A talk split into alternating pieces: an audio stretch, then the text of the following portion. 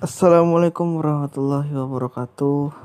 Hari ini hari Minggu ya guys, bersama saya Naufal. Assalamualaikum warahmatullahi wabarakatuh.